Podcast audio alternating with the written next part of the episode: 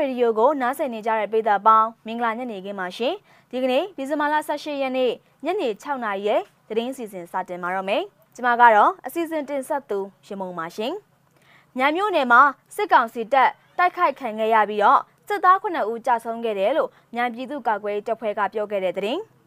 ပလဝမြို့နယ်မှာအရက်သား6ဦးကိုတပ်ဖြတ်သူတွေကိုပြင်းပြင်းထန်ထန်အရေးယူသွားမယ်လို့ CDF ကကြေညာလိုက်တဲ့သတင်း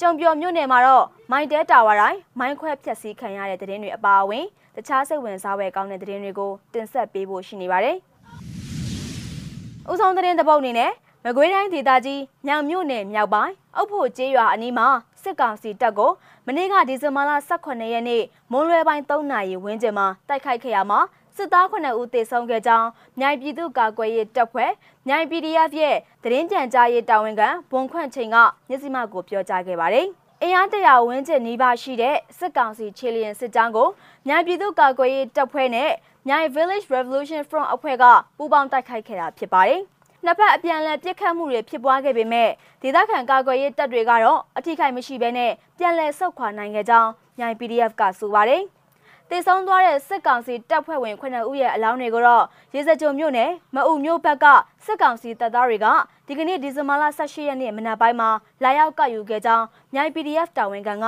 ပြောကြားခဲ့တာပါ။မြိုင်မြို့နယ်ဟာဒီဇင်ဘာလ14ရက်နေ့ကနေစတင်ပြီးတော့စစ်ကောင်စီရဲ့ စစ်ကြောင်း၃ကြောင်းထိုးကတိုက်ခိုက်မှုနဲ့ရင်ဆိုင်နေရကြောင်းဒေသကာကွယ်ရေးတပ်တွေကပြောကြားခဲ့ပါတယ်ရှင်။ဆက်လက်ပြီးတော့ချင်းပြည်နယ်ကသတင်းကိုတင်ဆက်ပေးပါမယ်။ချင်းပြည်နယ်ပလောဝမြို့နယ်အတွင်းမှာရှိတဲ့ကျေးရွာတစ်ခုမှာအရသား6ဦးကိုလက်နက်ကင်လူတစုကတပ်ဖြတ်ခတ်မှုပြုလုပ်ခဲ့ခြင်းပေါ်ပြင်းပြင်းထန်ထန်အရေးယူသွားမယ်လို့ CDF ပလောဝကထုတ်ပြန်လိုက်ပါတယ်။စမီးမြို့စိုးနီကနောင်ကျေးရွာမှာဒီဇင်ဘာလ16ရက်နေ့ညနေ4နာရီခန့်မှာလက်နက်ကင်ဆောင်ထားတဲ့သူ9ဦးရောက်လာပြီးတော့ ကျေးရွာသား4ဦးနဲ့ကုမ္ပဏီဝန်ထမ်း3ဦးကိုရွာပြင်ကိုခေါ်သွားခဲ့ပြီး6ဦးကိုပြစ်တက်ခဲ့တာပါ။တအူကတော့ဒဏ်ရာရရှိခဲ့တာဖြစ်ပြီးစမီးမြို့တိုက်နယ်စေယုံမှာစိတ်ကူးတောက်မှုခံယူနေရပါတယ်။ အခုဖြစ်စဉ်နဲ့ပတ်သက်ပြီးတော့ CDF ပလောဝနဲ့ပြည်သူအကြားမှာအထင်အမြင်လွဲမှားမှုတွေဖြစ်ပေါ်လာနိုင်တဲ့အတွက်အပြစ်မဲ့ပြည်သူတွေပေါ်အစုလိုက်အပြုံလိုက်လူမဆန်စွာတပ်ဖြတ်ခဲ့တဲ့အဖွဲ့အစည်းလူပုဂ္ဂိုလ်တွေကိုဆက်လက်စုံစမ်းစစ်ဆေးမှုတွေပြုလုပ်ပြီးတော့ပြင်းပြင်းထန်ထန်အရေးယူဆောင်ရွက်သွားဖို့ရှိတယ်လို့ CDF ပလောဝကသတင်းထုတ်ပြန်ပါတယ်။ကြုံပြော်မြို့နယ်မှာတော့မိုင်းတဲတာဝါတိုင်းမိုင်းခွဲဖျက်ဆီးခံလိုက်ရပါတယ်။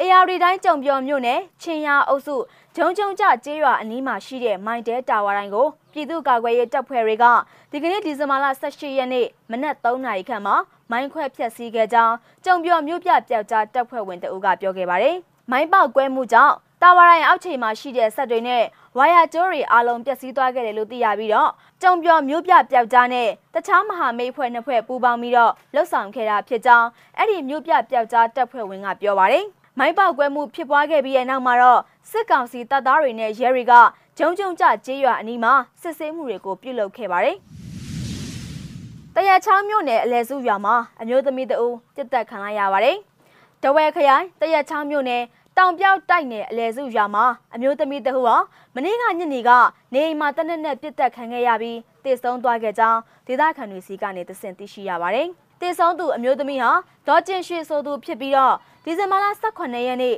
9နာရီခန့်မှာနေအိမ်မှာတနက်နဲ့ပြစ်ခံခဲ့ရတာပါ။အိမ်ရှိမှာထိုင်နေရင်ဆိုင်ကယ်တစ်စီးနဲ့လူနှစ်ဦးရောက်လာပြီးတော့တနက်နဲ့ပြစ်သွားတာပါလို့အလဲစုရွာမှာနေတဲ့ဒေသခံတအုပ်ကပြောကြားခဲ့ပါတယ်။ဒေါ်ကျင်ရွှေဟာ ကြန့်ခိုင်ရေးပါတီအားပေးထောက်ခံသူအမာခံတအုပ်ဖြစ်ကြောင်းဒေသခံရွာသားတွေကဆိုပါတယ်။အဲ့ဒီဖြစ်စဉ်ကြောင့်ဒီကနေ့ဒီဇင်ဘာလ18ရက်နေ့မနက်9နာရီခွဲခန့်မှာအဲ့ဒီကျေးရွာကိုစစ်ကောင်စီတပ်ဖွဲ့ဝင်တွေကရောက်ရှိလာပြီးတော့လူနေအိမ်တလုံးကိုမိရှို့ဖျက်ဆီးခဲ့ပါတယ်။မိရှို့ဖျက်ဆီးခံရတဲ့လူနေအိမ်ကတော့ဦးတောင်းထေးဆိုသူရဲ့နေအိမ်ဖြစ်ပြီးတော့သူဟာ NLD ပါတီအမာခံတအုပ်ဖြစ်တယ်လို့လည်းဒေသခံတွေရဲ့ပြောကြားချက်အရသိရှိရပါတယ်။ဒီဇင်ဘာလ18ရက်နေ့ညနေ6နာရီထိ နောက်ဆုံးရရှိထားတဲ့သတင်းတွေကိုမြစီမရေဒီယိုကနေထုတ်လွှင့်တင်ဆက်ပေးခဲ့တာပါနားဆင်ပေးခဲ့တဲ့အတွက်ကျေးဇူးတင်ပါတယ်ရှင်